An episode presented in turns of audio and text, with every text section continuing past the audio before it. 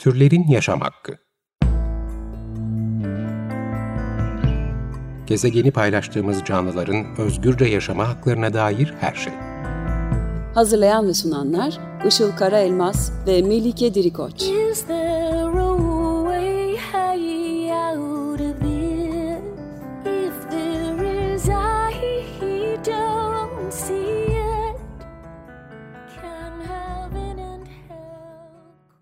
Merhabalar, 95.0 Açık Radyo'da Türlerin Yaşam Hakkı programı başladı. Ben Melike Dirikoç. Bugünkü program destekçimiz İzel Levi Coşkun'a ve diğer tüm destekçilerimize çok teşekkür ederiz. Bugün yine deprem konusuyla e, devam ediyoruz. Deprem bölgelerinde insan olmayan hayvanların yaşadıklarını konuşacağız bu programda daha çok. İnsan türünün e, egemen olduğu bu dünyada onun kurduğu medeniyet düzeninde yaşarken insan dışı hayvanlar en çok muzdarip olan bu düzenden en çok olumsuz olarak etkilenen e, grupların başında geliyor diyebiliriz. Bugün bu konuyu konuşmak için e, çok uzun süredir deprem bölgesinde olan yani depremin ikinci gününden itibaren deprem bölgesinde olan ve hem insan kurtarma çalışmalarına ve depremzedelerle daha sonrasında dayanışma çalışmalarına katılmış hem de insan dışı hayvanların kurtarılma çalışmalarına katılmış olan e, Doğanın Çocukları platformundan Ahmet Caner Altay bizlerle. Ahmet hoş geldin. Merhabalar, hoş buldum tekrardan. Evet, senin e, geçtiğimiz günlerde yazmış olduğun e, bir yazı var. Elyazmaları.com sitesinde yayınlandı bu yazı. Türcü aklın enkazında depremzede hayvanlar başlıklı çok çarpıcı bir yazı. E, yazına öncelikle depremin hayvanlar açısından sonuçlarını analiz ettiğin bir bölümle başlıyorsun. E, ben de ilk başta bunu sormak istiyorum. E, deprem bölgelerinde e, birçok ilde e, bunların köylerinde de özellikle işte aralarında çiftlik hayvanı olarak kullanılan hayvanlardan tutalım da insanların evlerinde beraber yaşadıkları kedi, köpek, kuş gibi pek çok e, hayvan depremden e, ciddi anlamda etkilendi. Deprem bölgelerindeki hayvanlar neler yaşadı, sonraki kurtarma çalışmalarında neler oldu ve genel olarak bölgede depremzede hayvanlar neler yaşadı bunu anlatarak başlayabilir misin acaba? Öncelikle depremin olduğu günün ertesi gününde ben yola çıkmıştım.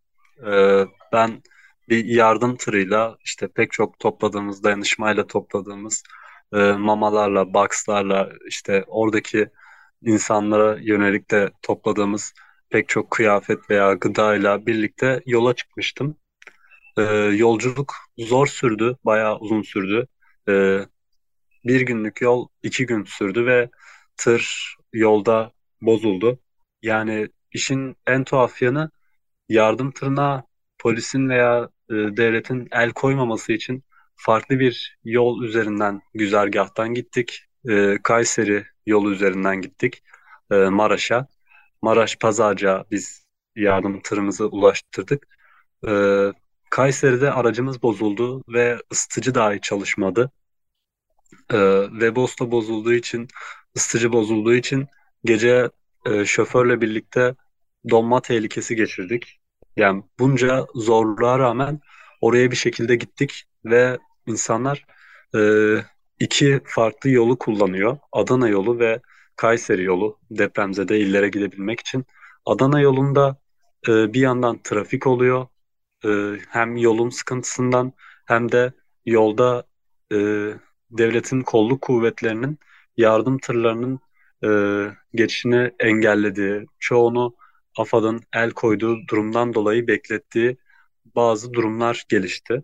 Bundan dolayı bu insanlar ya e, Kayseri'de eksi 25 derecede donma tehlikesini göze alarak veya eksi 25'te e, zor şartta bir yolculuğu göze alarak oradan gidiyor veya e, Adana yolundan uzun bir trafik yolculuğu çekerek e, tıra el koyma tehlikesini göze alarak oradan bölgeye ulaşmaya çalışıyordu. Yani bu gibi sıkıntılarla bir şekilde varmış olduk. Maraş'a vardığımızda oradaki arkadaşlarımızla birlikte hemen e, ufak bir araçla e, mama dağıtımına başladık bölgede. E, bölgede mama dağıtımına başladıktan sonra depremzedelerin aslında e, devlet çöktü lafın üzerine, devlet çöktü gerçeğinin üzerine başka şeyleri de öğrenmiş olduk. İnsan olarak bizler de bir otoriteyiz ve insanlık otoritesi de çöktü.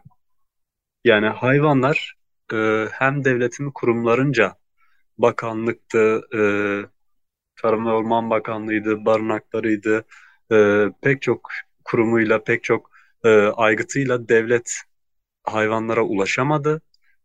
Yani hayvanlar hem devlet otoritesi tarafından hem e, depremzedeler, insanlar otoritesi tarafından, insan otoritesi tarafından yalnız bırakılmış durumdaydı yani. E, ondan sonra bölgede ilk baktığımızda aslında çokça canlı enkaz altında kalarak can vermişti. Cidden yazıda da belirttiğim gibi toplu ıstıraplar yaşanıyordu yani. Ee, bazı canlılar işte bazı köpekler, kediler kendi yavrularını kendileri kurtarmıştı. Aslında halka benzer bir şekilde. Halk da hiçbir kurtarma ekibinin gelmediği yerde, devletin çöktüğü, devletin olmadığı yerde kendi kendini kurtarmıştı. Hayvanlar da yine benzer şekilde bazıları kendi kendisini, yavrularını kurtarabilecek e, şansa sahipti. Kendi kendilerini kurtarmıştı bir noktada bazıları. E, pek çoğu da ölmüştü bir yandan da. E, Pazarcık bölgesinde bir olayı anlatacak olursam, e, üç köpek yavrusu olan bir e, köpek vardı ve yuvasının en az bir kilometre, bir buçuk kilometre ilerisinde bir yoldan geçerken bile havlıyordu mesela. Neden havlıyordu? Çünkü çok ciddi travmatize olmuştu, korkuyordu. Gece tamamıyla ışıksız bir yolda e, herkese en ufak bir sese havlıyordu. Sabah ise o yavruları rahat rahat dolaşıyordu ve o yavruları mesela biz besliyorduk. Yani sabahla e, gündüzle gece arasındaki fark ve bu hayvanın korkusu bile beni şaşırtmıştı bir noktada. Çok ciddi travmatize olmuştu bu hayvanlar. Hatay'a gittiğimde ise Hatay'da e, bölgede yaşayan yerlilere sorduğumuzda e, şunu öğrenmiştik. Orada pek çok köpek vardı. Bu köpekler normalde çok sakin, e, sessiz sedası takılan e, karakterleri olmasına rağmen deprem sonrasında e, o kadar fazla travmatize olmuşlar, psikolojik sorunlar yaşamışlar ki, depresyona girmişler ki herkese yine havlamaları vardı. Gece olduğunda hepsi topluca e, herkese havlayıp oradan oraya kaçıştırıyorlardı mesela. En ufak bir ışık huzmesine, en ufak bir e, sese kaçmaya başlıyorlardı bir yandan. Yani böyle korkuyorlardı. Sürekli bir e, tetikteydiler. Sürekli bir e, tehdit unsuru varmış gibi her an tetikte olarak kaçmaya hazır duruyorlardı bu hayvanlar. E, bir gün farklı bir olay yaşamıştık. Sabah kalktığımızda bir tane köpüş, biz zeytin demiştik ona. Zeytinle birkaç arkadaşı uyku tulumla parçalamışlardı böyle. Etrafı her yere o uyku tulumun içindeki beyaz tüyler uçuşmuştu. O mesela komik bir anıydı. Bir yandan geceleri e, ateş yaktığımızda köpekler gelip onlar da ateşin başına geçiyordu. Bir şekilde ateş söndükten sonra bile o sıcak yere gelip ateşin yanında yatıyorlardı. Bir yandan böyle şeyler de yaşıyorduk. E, ama bu Sevgi Parkı gibi Hatay'da pek çok noktada e, çok fazla ateş yakılıyor ve çok fazla soba yakılıyor. Çok ciddi duman oluyor ve bu e, aynı zamanda insanlar çöplerini de e, atacak yer bulamadığı için veya çok fazla çöp çıktığı için e, doğru düzgün çöp toplama işlemi gerçekleşmediği için çoğu yerde yakmak durumunda kalıyorlar. Yakmadıkları takdirde zaten e, Hatay'a Mileyha'ya, Altınözü'ne, farklı yerlere hem moloz hem çöp döküyorlar. Mileyha'da çöp döküm alanı var bir yandan. Ee, insanlar bu çöplerini yaktıklarında da çok ciddi e, karbon monoksit ve çeşitli kimyasallar havaya karışmış oluyor. Bu da aslında orada bir maske sorununu gündeme getiriyor. Maske sorunuyla birlikte maske tedarik sorunu ortaya çıkıyor.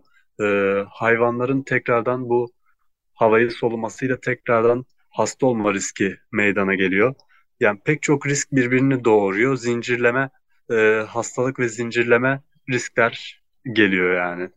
E, Bu noktada e, orada bir maske Evet. daha maske kullanımı oldu mu mesela E, bu enkazlar ve e, asbest e, olayın çokça gündeme gelmişti. Enkazların senin de biraz önce bahsettiğin gibi aslında e, bu Samandağ ilçesindeki Mileyha Kuş Cenneti'ne götürülmesi yani o konuyla alakalı takip edebildiğim bir şey oldu mu? Nasıl önlemler alındı, alınmadı mı? E, onu konuda biraz açabilir misin? Ya maske dağıtımı pek olmadı. E, P2, P3 veya N95 maskeleri aslında nispeten e, daha iyi filtreleme sistemine sahip, daha iyi koruyor. Ama bu maskelerin tedarik sorunu vardı. Bu maskeleri ben hiçbir yerde gittiğim yerde bölgede görmedim. Maraş, Gaziantep, e, Hatay ve Adıyaman bölgelerini gezdim. Buralardayken hiçbir yerde rastlamadım. Yani e, sadece bizim Yeryüzü Ekoloji Kolektif'ten iki arkadaş İstanbul'dan giderken maske bulmuşlardı P3. Onunla bölgeye gidip çekim yapabilmişlerdi ama hiç kimse de yoktu. E, Hatay'da, TTB'de, e, diğer e, sağlık kuruluşlarından gelen arkadaşlardan, SES Sendikası'ndan, Sağlık Emekçileri Sendikası'ndan kimselerde de yoktu. Yani sadece gündelik e, normal bir maske vardı. O da e, şey için korumuyor aslında. Asbest ve diğer zehirli kimyasallar için korumuyor aslında. Evet. Bir noktada böyle bir sıkıntı var. E, Mileyha'ya da gittiğimizde şunu görmüştük yani. Mileyha e, sınır bölgesi denebilecek yerde. E, Mileyha hem moloz döküm alanı olmuş durumda hem çöp döküm alanı olmuş durumda. Mileyha'ya girişte jandarmanın kontrol bölgeleri var. E, Mileyha bölgesinde köylülerin birkaç evi var.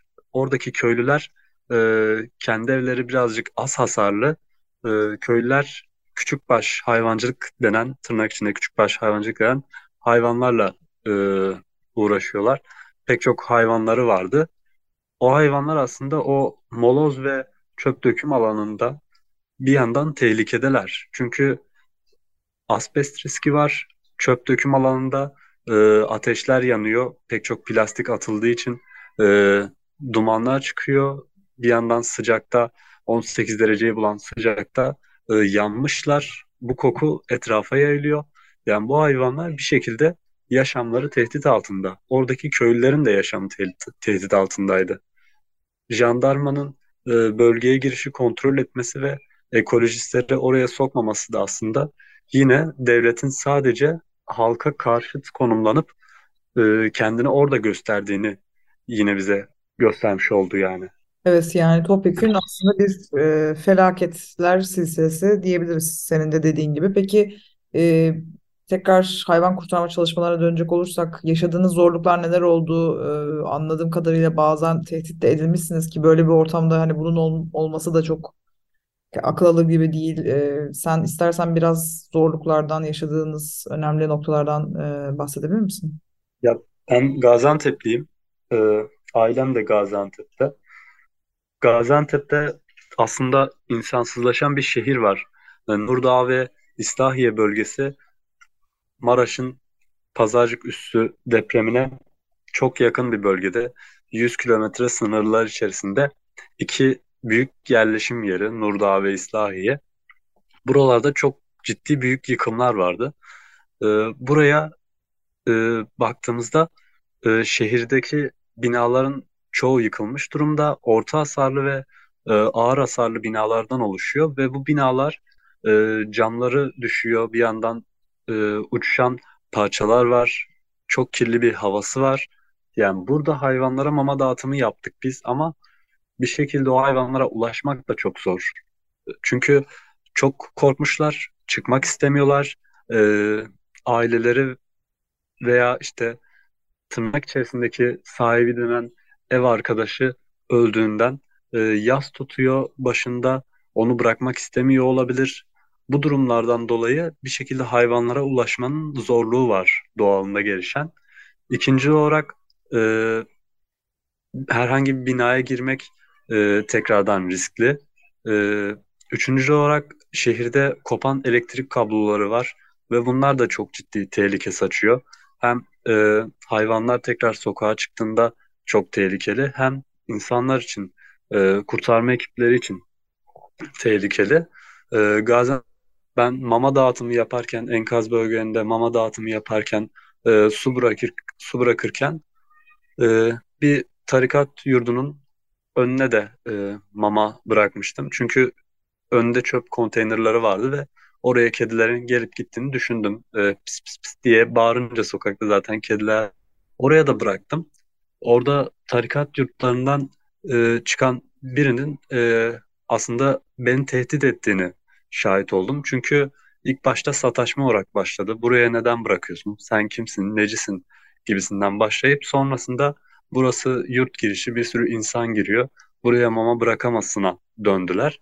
Ama bir şekilde orada uzlaşmacı bir tavır alıp hızlıca oradan uzaklaşmaya çalıştım. Ee, bir yandan e, tarikatların başka yerlerde bazı kurtarma ekiplerini de tehdit ederek tekrardan e, korkutarak o kurtarma ekiplerinin gitmesine sebep olduklarını da duyduk. Bu haberi de aldık.